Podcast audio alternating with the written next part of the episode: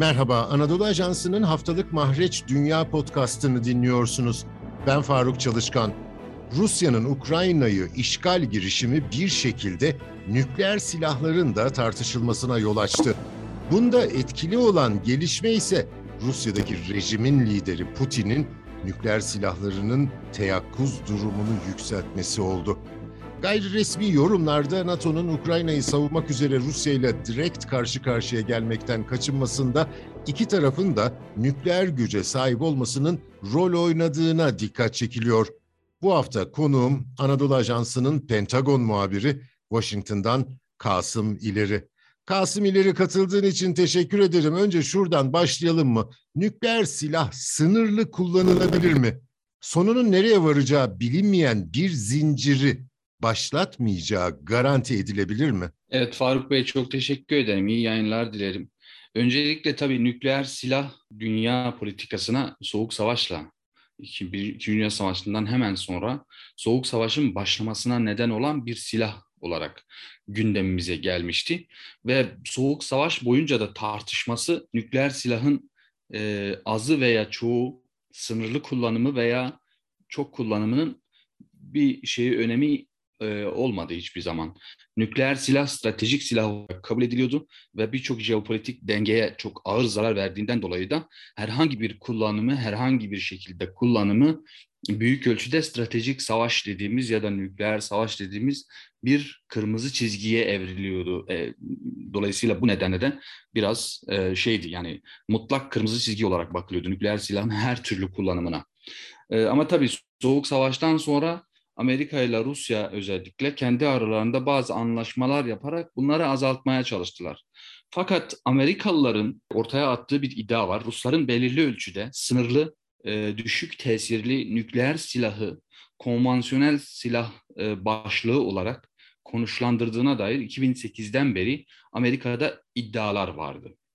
Bunun üzerine de hem ulusal güvenlik strateji belgelerinde hem de savunma strateji belgelerinde Amerikalılar artık kendilerinin de nükleer silahları nükleer silah olarak, stratejik silah olarak değil, konvansiyonel silah olarak kullanılabilecek şekilde düşük tesirli nükleer başlık üretme konusunda bir karara vardılar. Dolayısıyla Amerika Birleşik Devletleri 2019'dan başlamak üzere e, düşük tesirli nükleer silah üretme konusunda ulusal e, savunma yetkilendirme yasası dediğimiz savunma bütçesine bir madde eklediler. 2020'de de bu silahların konuşlandırıldığını duyurdular. Yani denizaltılara düşük tesirli nükleer başlıkları denizaltılardaki bazı füzelere yerleştirdiklerini açıkladılar. Bunun da tabii gerekçe olarak Amerikalılar Rusların bunların orta menzilli nükleer kuvvetler anlaşmasını ihlal etmesi ve düşük tesirli nükleer silahları konvansiyonel füzelere takmış olmasına bağladılar. İki ülke de zaten çok kısa bir süre önce e, şeyden çekildiler. Bu ulus e, orta menzilli nükleer kuvvetler e, anlaşmasından çekildiler. Çünkü iki ülkede bunu ciddi ölçüde ihlal etmişti. Dolayısıyla sınırlı nükleeri e, Soğuk Savaş'tan sonra ilk kez e, 2018-19 e, ve şu anda duyabiliyoruz. Ancak bunun kullanımı ile ilgili yani bu kullanıldığında ne olacak ya da ülkeler buna nasıl karşılık verecekler? Bu uluslar, uluslararası sistemde neye yol açacak? Hangi tartışmaya yol açacak? Bu daha denenmediği için bilinmiyor ama bu fikir var.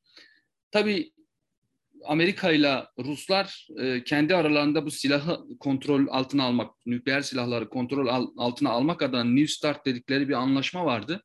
2011'de uzatılmıştı. Sonra Trump da uzatmıştı. Biden da 2026 yılına kadar geçen yıl uzattı.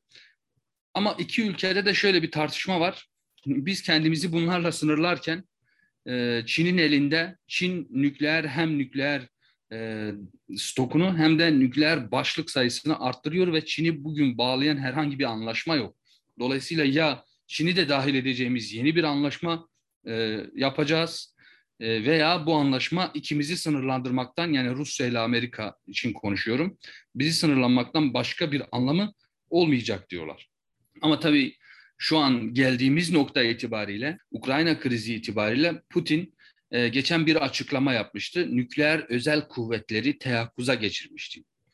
E, bunu Amerikalılar e, anlayamadılar.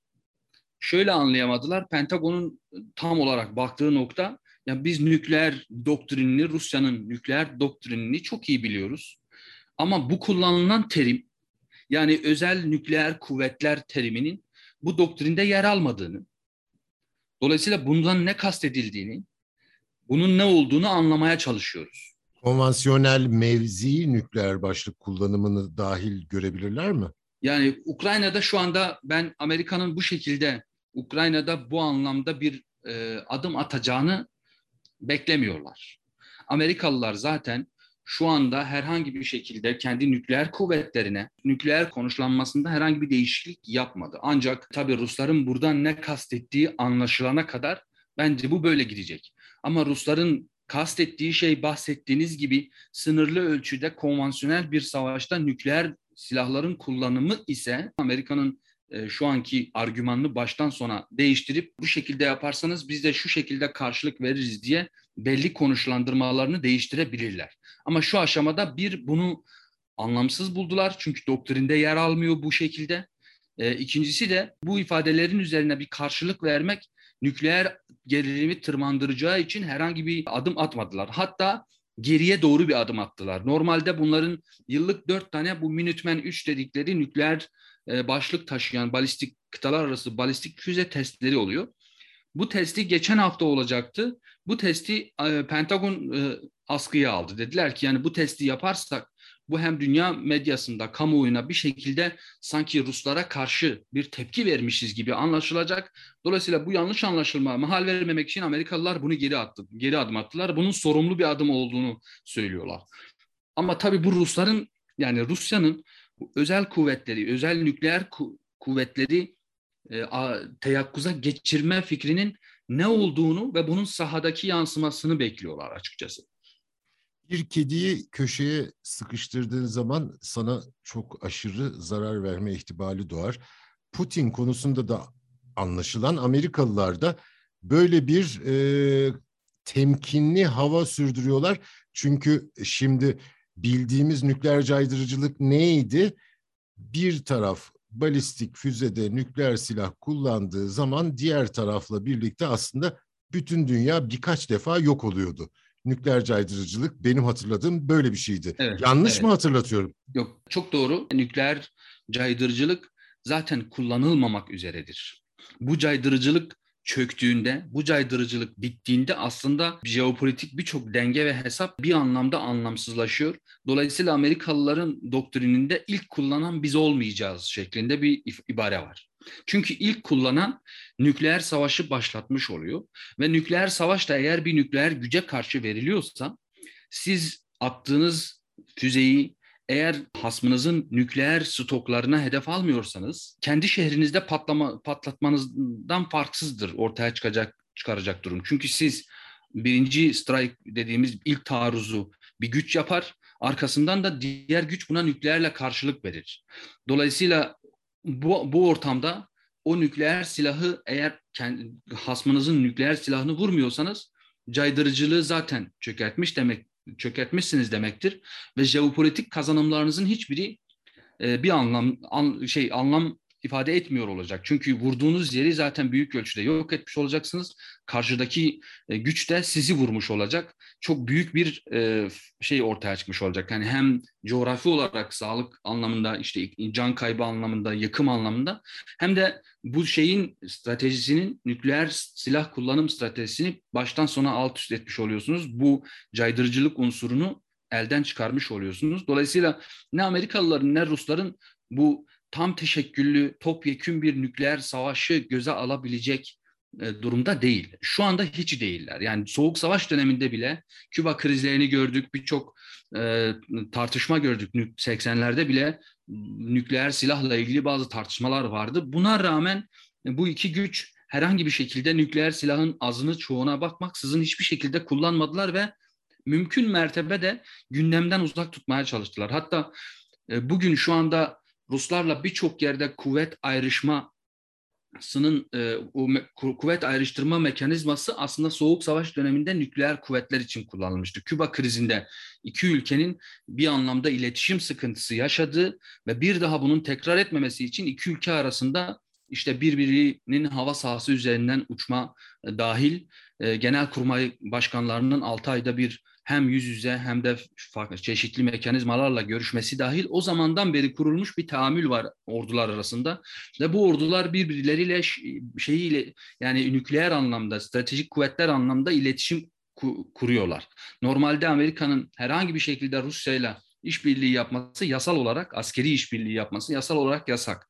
Ama buna müsaade ediliyor. Mesela genelkurmay başkanları stratejik e, durum itibariyle birbirine e, bilgi verip birbirine yanlış anlaşılmalara yanlış anlaşılmalara mahal vermemek için görüşüyorlar. Bu da yani nükleer caydırıcılığı yerinde tutup aynı zamanda nükleerde, nükleer konusunda bir yanlış hesaplamayı önlemek üzereydi.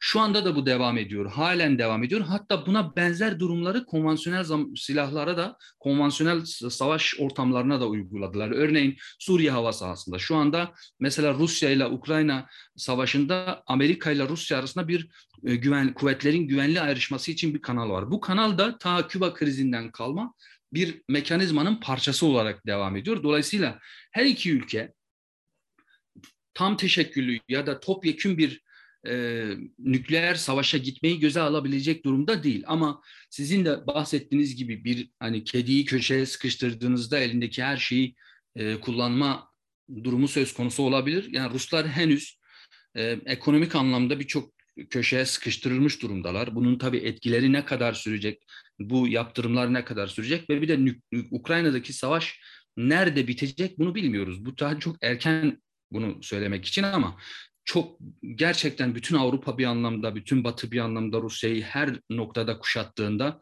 ve Rusların gidecek hiçbir yeri kalmadığında elindeki aslında tek araç nükleer silah olmuş oluyor ama bunu şu anda konuşmak bence çok erken diye düşünüyorum Faruk Bey.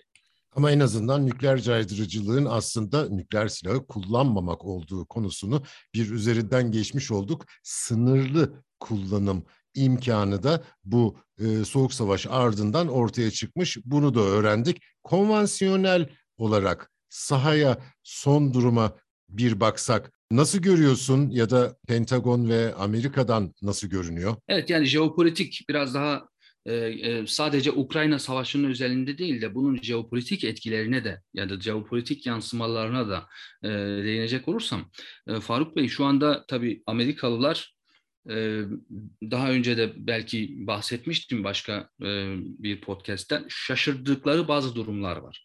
Rusların konvansiyonel olarak askeri anlamda Amerika ile yarışmayacaksa bile büyük güç olarak görüyorlardı. Entegre kuvvetleri vardı, çok ileri teknolojiye sahip silahları var Rusların elinde ve bütün e, bir e, işte elindeki balistik kıtalar arası balistik füze e, uçak, beşinci nesil e, uçaklar, insansız hava araçları şeklinde birçok bir geniş bir envanter var. Bu envanteri e, şey olarak kullanıyorlardı. Yani e, Rusya'nın artık bölgesel anlamda çok büyük bir güç olduğu e, ve istediği şekilde bölgedeki bazı statükoları değiştirebileceği noktasında bir e, şey söz konusuydu. Bir e, yani ki, bir kendini tanımlama durumu söz konusuydu. Amerikalılar da Rusları böyle görüyorlardı. Fakat savaşa girdiklerinde Amerikalıların ilk 3-4 günde hala da şaşırdıkları birkaç nokta var. Bu kadar gelişmiş silah olduğu halde bu silahların entegre edilmemiş olması. Yani hava kuvvetleriyle, e, füze sistemleriyle daha sonra kara gücünün entegre edilmiş, senkronize edilmiş ve bir kara harekatını efektif hale getirecek bir sürü kabiliyet varken bunların etkili bir şekilde kullanılmadığını, bu entegrasyonun olmadığını ve Rusların Ukrayna gibi küçük bir orduya karşı ki silah sistemleri bile Sovyetlerden kalma bir güce karşı hala hava üstünlüğünü elde etmemiş olması, hala karada çok ağır kayıplar vermiş olması, 50 civarında hava aracının helikopter ve uçaktan bahsediyorum düşürülmüş olmasına şaşırıyorlar. Çünkü Rusların e, aslında aslında çok da böyle bekledikleri o büyük güç e, şeyine oturan, büyük güç e, klasmanına oturan bir askeri etkinliğini göremediler. E, bunu savaşı uzatmak istiyorlar. Savaşı uzattıkları sürece de e, Rusların savaşı idame ettiremeyeceği bir noktaya geleceğini ve en nihayetinde de kaldığı yerde artık bir barış veya bir tür müzakere yoluna gideceğini düşünüyorlar. Ama benim kanaatim Rusların e, tabii güneyde, kuzeyde bazı eksiklikleri var. Kuzeyde e, Kiev'e doğru ilerleyemiyorlar. Harkov'da ağır çatışmalar var. Ama güney sahillerinde büyük ölçüde güney yani güney Ukrayna'nın güney sahillerini yani Karadeniz'in kuzeyini büyük ölçüde kontrol altına almış bulunmaktalar. Odessa dışında Karadeniz'in tamamını kapsamış durumdalar. Bu önümüzdeki yıllarda e, şayet bir anlaşma olur ve Rusya burayı bir şekilde kendine e, ilhak etmiş olursa Kırım gibi önümüzdeki yıllarda bu jeopolitik olarak Karadeniz'de birçok dengeyi yerinden oynatmış olacaktır. Amerikalılar bunun farkında. Bir diğer tartışma da tabii Amerikalılar Rusya'nın bu harekatının NATO'yu birleştirebileceğini düşünüyorlar. E, büyük ölçüde de böyle oldu ama e, hala askeri olarak birçok kaygı var. Çünkü Doğu Avrupa ülkeleri halen e, Amerika çok büyük yığınak yapmış. Oraya şu anda Avrupa'da 100 bin Amerikan askeri var. Ama Amer halen Amerikalılar, e, Amerikalıların Doğu Avrupa ile Batı Avrupa'yı ya da Amerikan menfaatleriyle Doğu Avrupa'nın menfaatlerini aynı ölçüde, aynı şekilde baktığına dair bazı şüpheler olduğunu seziyoruz. Polonya örneği bunun çok e, kritik bir e, dışa vurumudur. Polonya e, ya ısrarla e, MiG-29 uçaklarını Ukrayna'ya vermesi konusunda Amerikalılar bazı değerlendirme yapıyor, değerlendirmeler yapıyorlardı. Polonya ısrarla biz böyle bir niyetimiz yok, böyle bir de, derdimiz yok. Ukrayna hava sahasına kendi uçaklarımızı sokma niyetimiz niyetinde değiliz. Ukrayna uçaklarının da bizim hava sahamızdan savaş alanına girmesine müsaade etmeyeceğiz şeklinde açıklama yapıyordu. Ama Pentagon burada biz kurumlar arası bir değerlendirme yapıyoruz. Şayet Polonya günün birinde uçaklarını Ukrayna'ya verirse biz de kendilerine nasıl yardımcı oluruz, acaba açıklarını nasıl kapatırız diye bir değerlendirme yapıyoruz şeklinde açıklamalar yaptı ve bu Avrupa'da öz, özellikle de Doğu Avrupa'da Polonya, e, Rus tabi Putin'in açıklama yapmasına neden oldu. Putin böyle bir durum olursa o güç savaşa girmiş olur. O gücü de Ukrayna gibi görmüş oluruz şeklinde bir açıklama yaptı. Bu açıklama üzerine de tabi tartışma Avrupa'da büyük bir e, yankı uyandırdı. Amerikalıların da buna bu şekilde yaklaşıyor olması, değerlendiriyoruz şeklinde açıklıyor olması. Polonya bir açıklamayla ciddi bir çizgi çekmiş oldu. Tamam bizim elimizdeki bütün MiG-29 uçaklarını biz NATO'nun üssü olan e, Amerika'nın askerlerinin konuşula, konuşlu olduğu e, yere göndereceğiz. Almanya'ya göndereceğiz. Ve burada da Amerika'nın emrinde Amerika bunları nasıl isterse Ukrayna'ya sokabilir şeklinde bir açıklama yaptı. Üstelik bunu da hibe ettiğini söyledi. Ama Washington karıştı. Dışişleri Müsteşarlığı, Müsteşarı kongredeydi. Benim bundan haberim yok dedi. Bu bizimle istişare edilmemiş. Bana da sürpriz oldu dedi. Pentagon'da ya biz duyduk ama bizim elimizde çok bir şey yok. Bilmiyoruz bunu dediler. Sonra gece bir açıklama daha yaptılar. Dediler ki e, yani Amerika'nın emrinde bu uçakların Ukrayna gibi ihtilaflı bir hava sahasına girmesi oldukça kaygı verici ve çok da mantıklı değil dediler. Makul değil diye tam açıklama makul değil diye bir ibare kullandılar. Ee, bu da bir anlamda Polonya için Ukrayna hava sahasına uçak sokmak makul ve NATO için bir endişe kaynağı değilken bu uçakların Amerika'nın emrinde Ukrayna'ya girmesi neden makul değil, neden endişe verici bu, bu anlaşılmadı. Yani bu anlaşılmıyor hala. E, Amerika'nın kafasında Amerika'nın savaşa girmesiyle Polonya'nın savaşa girmesi arasında bir fark var demektir bu. Ama biz ne nasıl biliyoruz? NATO şemsiyesi altında bir ülke herhangi birimiz bir şekilde... hepimiz için, hepimiz birimiz için diye birimiz, evet, algılayacak evet. diye zannediyoruz. Ama Polonya eşit. Polonya MiG'leri direkt Ukrayna'ya teslim etseydi Amerika alkışlayacaktı. Polonya Amerika'ya teslim etmeyi teklif edince ortalık karıştı. Evet ortalık karıştı ve Amerikalıların açıklamasındaki yani bu jeopolitik yansımasından bahsediyorum ben. Bir şeyi ortaya koyuyor. Bize bir şey anlatıyor aslında. Şunu diyor yani Polonya'nın savaşa girmesiyle Amerika'nın savaşa girmesi şu anda bir şey değiştirmeyecek. Aslında biz bu şekilde biliyoruz. Çünkü NATO'da bir NATO gücü girdi mi savaşa herkes girmiş oluyor. Ama bunun Polonya tarafından veriliyor olması Amerika için endişe verici değil. O zaman Amerika Polonya'dan vazgeçmiş mi demektir? Vazgeçebilir mi demektir? Polonya savaşa girdiğinde bu NATO için neden endişe verici değil? NATO buna karışmayacak mıdır diye bir tartışma başlattı. Neden mesela Polonya'nın yaptığı bir iş NATO için endişe verici değil de Amerika'ya yaptırdığı zaman endişe verici veya neden Polonya yaparken mantıklı diye bakılırken ya da kurumlar arası bir değerlendirmeye tabi tutulacak bir meseleyken Amerika'nın bunu yapmasının mesele olmaması, mantıklı bir ele alınabilir, makul bir mesele olmaması dikkat çekici. Bu önümüzdeki günlerde de muhtemelen Washington'da da Avrupa'da da üzerine konuşulacak ve üzerinde ülkelerin düşüneceği bir e, konu olacak. Şimdiden bu işgal girişiminin jeopolitik sonuçları var. Birincisi Karadeniz'in kuzeyi sahili komple Rusya'nın kontrolüne geçti. İkincisi Polonya bir yandan yüzünü tekrar batıya çevirmiş olsa bile Amerika'nın direkt Ukrayna'nın işgaline karşı cephede Rusya'ya karşı müdahil görünmemesi sebebiyle kendini biraz dışlanmış görmüş oldu. Ee, zaten Polonya ile Macaristan'ın Avrupa Birliği'nde sorunları vardı. Bu dönemde o sorunlar hallolmuş gibi görünüyordu. Ama sadece bir şerhim var. Rusya'daki rejim aynı strateji ya da aynı resmi ideolojiyi sürdürdüğü sürece şu ana kadarki kazanımları devam edecek diyebilir miyiz? E, tabii. Yani Rusların sonuçta orada ilk savaşa girerken de e, herkesin beklediği ve makul olan da yani bir kara harekatı düzenliyorsanız bir ülkede hem de Avrupa'nın Doğu Avrupa'nın en büyük ülkelerinden birine giriyorsanız burada bir stratejik kazanım da elde etmek istiyorsanız bu şekilde yıkımla ve düşük yoğunluklu ağır sivil kayıplarına neden olan bir taktikle devam ettiğiniz ölçüde bu stratejik kazanımları kaybedersiniz bir süre sonra. Ama e, şu aşamada yani savaşı bir şekilde bu kadar kayıpla da olsa durdurabilirlerse, rejimi değiştirebilirlerse Ukrayna'da, başka bir yöne gidebilirlerse bu sefer bu kazanımlar bir şekilde Rusların elinde kalmış olacak. Ama Ve işte resmi... Rusya'nın ekonomik olarak sürdürülebilirliği tehlikede görünüyor. Tabii bu da var. Yani bu yaptırımların e, nereye kadar sürdürülebileceği. Çünkü bu yaptırımların evet bugün şu anda sadece Rusya'yı etkiliyor ama önümüzdeki günlerde Avrupa'yı da etkilemeye başlayacağı konuşuluyor.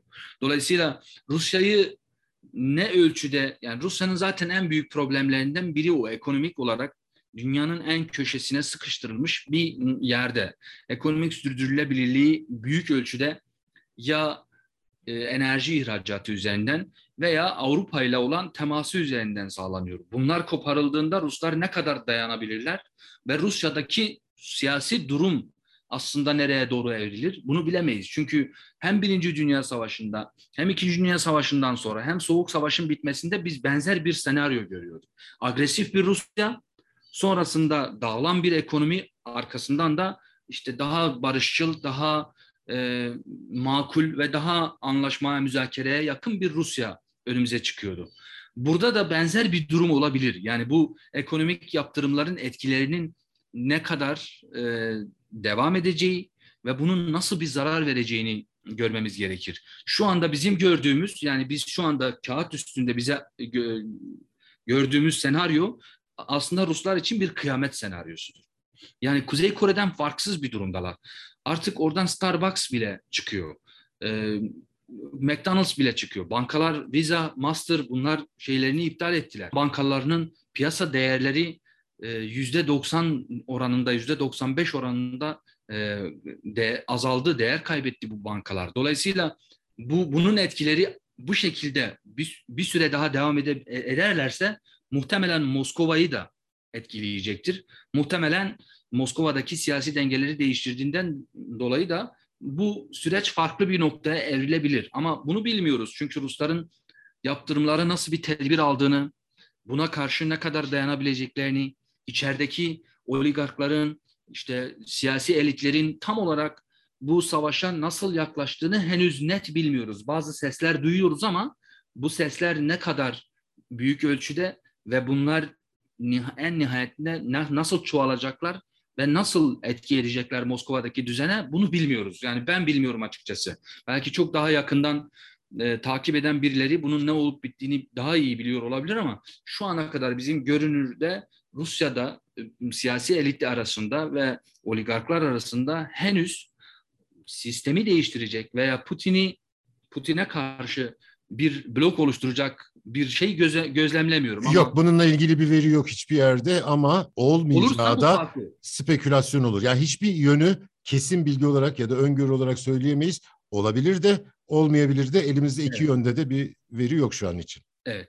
Evet. Tabii biz de buradan izlediğimiz kadarıyla bir de Avrupa'nın ve Amerika'nın attığı adımları başka bir ülkede yani herhangi bir orta ölçekli ülkeye için düşündüğümüzde aklımıza hayalimize gelmeyecek bir aslında köşeye sıkıştırılma durumu var ve sürdürülemeyecek bir e, durum bu aslında.